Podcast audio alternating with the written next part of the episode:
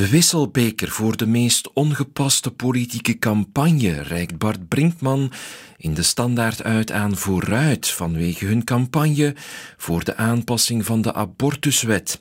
Ze illustreert vooral hoe zo'n delicaat thema niet moet worden aangepakt. Over levensbeschouwelijke dossiers worden trouwens beter geen politieke deals gemaakt. De minderheid moet zich neerleggen bij de meerderheid.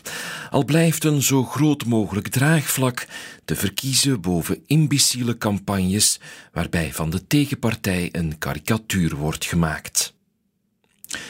Vooruit krijgt een ranzig randje, vindt Christophe Willocks dan weer in de Gazet van Antwerpen.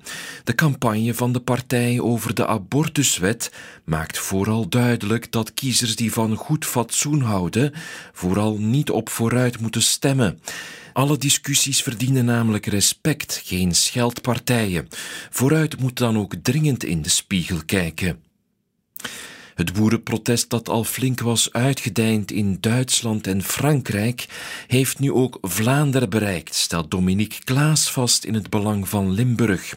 Het kader waarin de boeren mogen ondernemen wordt alsmaar nauwer en dwingender.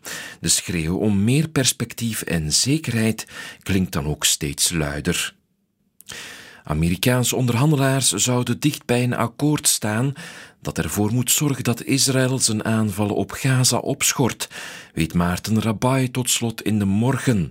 Door nu een ernstig staakt het vuren te helpen bemiddelen, kan het Westen terugtonen dat het haar menens is met het respect voor de rechtsorde die het na de Tweede Wereldoorlog hielp opbouwen. Zo niet moeten we niet verbaasd zijn dat andere landen hun eigen weg gaan. Het is maandag 29 januari en dit waren de krantencommentaren.